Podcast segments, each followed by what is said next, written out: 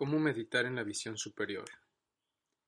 La auténtica visión superior es una sabiduría especial que se genera por medio de la meditación de la permanencia apacible. Aquí hemos de meditar en la visión superior que observa la vacuidad. Podremos hacerlo una vez que hayamos alcanzado la concentración de la cuarta permanencia mental que observa la vacuidad. En esta etapa aún no tenemos una visión superior auténtica, sino una semejanza o réplica de dicha visión. Una vez que hayamos generado esta réplica de la visión superior, cuando meditemos en ella estaremos meditando en la visión superior. La concentración de la cuarta permanencia mental es como un remanso de agua clara, que no está agitada por el viento, y la réplica de la visión superior como un pequeño pez que nada en el agua sin perturbar la superficie. La réplica de visión superior es un aspecto de la sabiduría, dentro de la concentración que investiga el objeto sin perturbar esta última.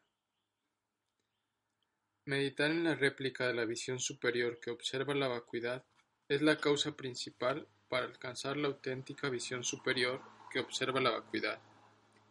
Y meditar en la auténtica visión superior que observa la vacuidad es la causa principal para alcanzar el camino de la visión que comprende de manera, directa la vacuidad.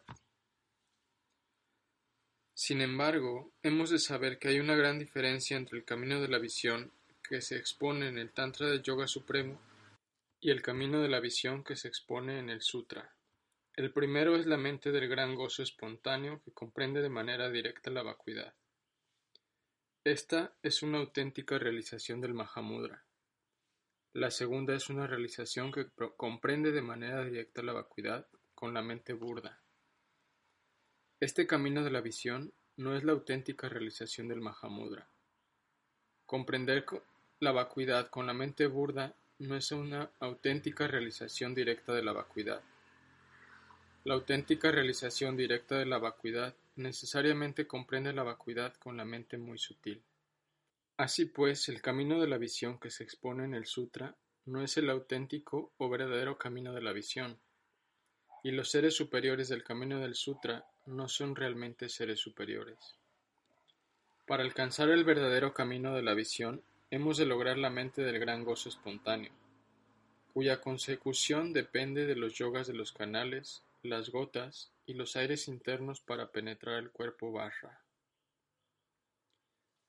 Cómo meditar en los yogas de los canales, las gotas y los aires internos tiene tres partes.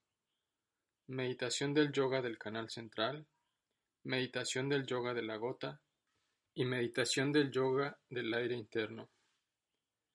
En primer lugar se expone una breve introducción a los canales, las gotas y los aires internos.